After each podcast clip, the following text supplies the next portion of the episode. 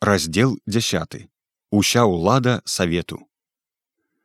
Смело мы в бой пойдем за власть советов. Гарачымі воплескамі спаткала рабочая маса і на дэпутацкіх месцах і на хорах абранне прэзідыума ну вось прэзідыум на сваім месцы. Старшыня антанович вядзе сход. Пачынаюцца прывітанні. Іх шмат ад віленскага камітэта кампарты ад камуністычнай партыі польшчы ад цк ркпб ад нямецкіх салдатан ратаў ад цк бунда ад сялян і яшчэ і яшчэ і яшчэ. Усе прывітанні святочныя урачыстыя але не ўсе яны ідэалагічна аднолькавыя. Доўга і шумна апладзіруюць усе ў зале прадстаўнікам нямецкіх салдатан ратаў першаму і другому спартакаўцу і незалежніку бо і той і той ад імя нямецкіх салдацкіх мас урачыста заяўляюць што будзе нямметчына дастойнай паслядоўніцай рэвалюцыйнай рассіі і як жа тут не радавацца як не плёскаць да жару ў далонях калі перад вачыма дзіва дзіўнае здаецца тыя ж самыя немцы што душылі нас тры з паловаю гады і ў той самай нямецкай вайсковай форме, што прывучыла нас да інстынктыўнай трывогі, што страшыла нас тры з паловаю гады на кожным кроку, і вось прыйшлі сюды, як свае, блізкія людзі і гавораць такія незвычайныя рэчы. Выступае пасланец бундаўскага ЦК і ў сваім гарачым вітанні ўрачыста заяўляе: савецкую ўладу бунд рашуча падтрымае, і ўсе ў зале дружна плешчуць але кажа пасланец і лысую галаву ўгару падкідае ў парта ды як быццам не дужа смела. Але трэба склікаць учрадзіцельнае сабранне.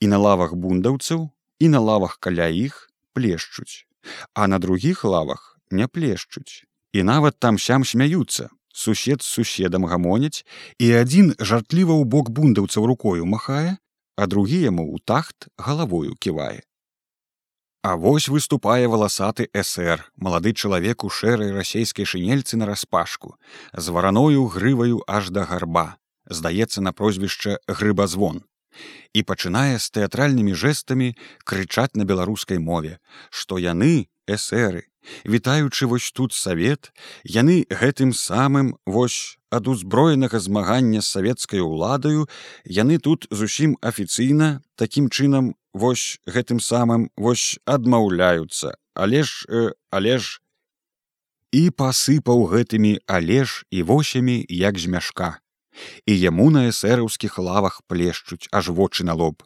Гэткім спосабам аб моцы сваёй заяўляюць. І на суседніх лавах ім троху падмагаюць. А на лавах камуністаў маўчаць упарта падазрона. Ды ўсё яшчэ ішло тым часам гладка. Аж вось скончыліся прывітанні савету. І камуністы агаласілі спіс прывітальных тэлеграм, якія трэба паслаць ад савета. На першым месцы былі пастаўлены тэлеграмы ЦВК і СНК РСФСР як кіруючым органам расійскай рэвалюцыі і чырвонай арміі як выразніцы баявой магутнасці пралетарыяту. І тады выступіў ад фракцыі эсэраў эсэр з літоўскім акцэнтам у вымове і крыху падстрыжаны і крыху паважнейшы, чым той яго валасаты калега беларус.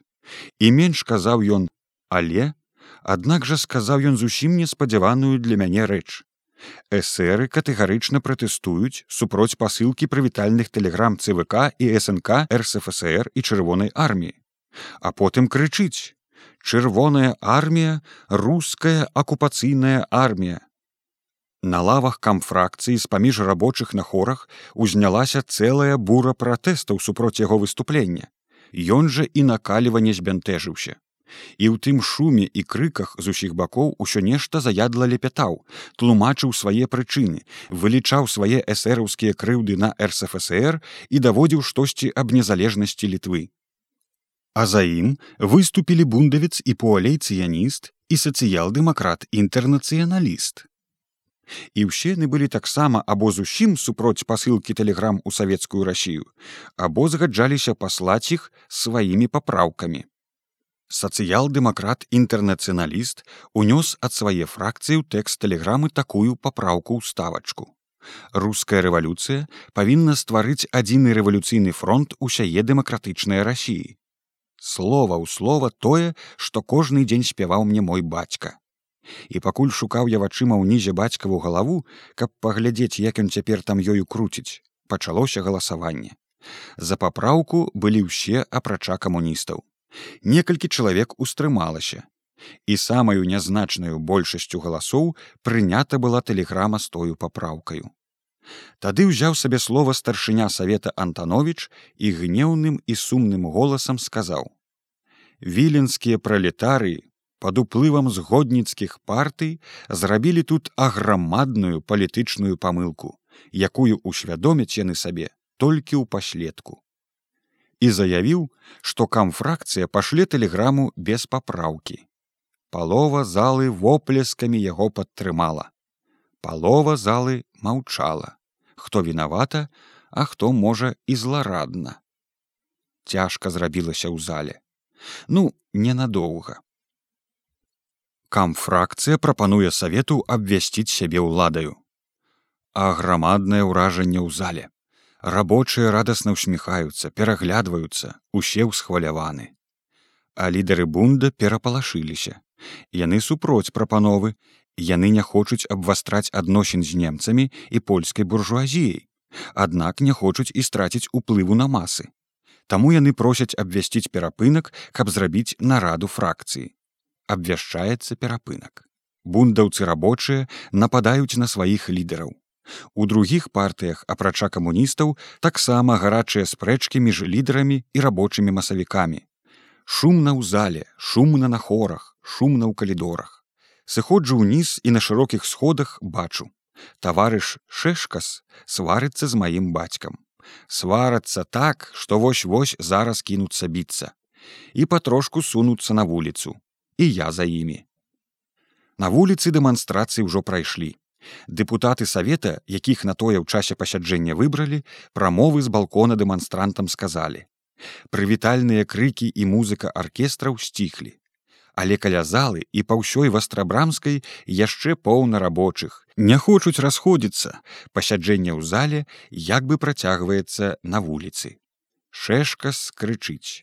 Бацька мой упарта адбіваецца. Рабочыя налятаюць на майго бацьку ў дапамогу шэшкасу. І які ж ты дэпутат, і хто ж цябе такога выбраў? Думаю сабе, хоць бы яго тут не пабілі.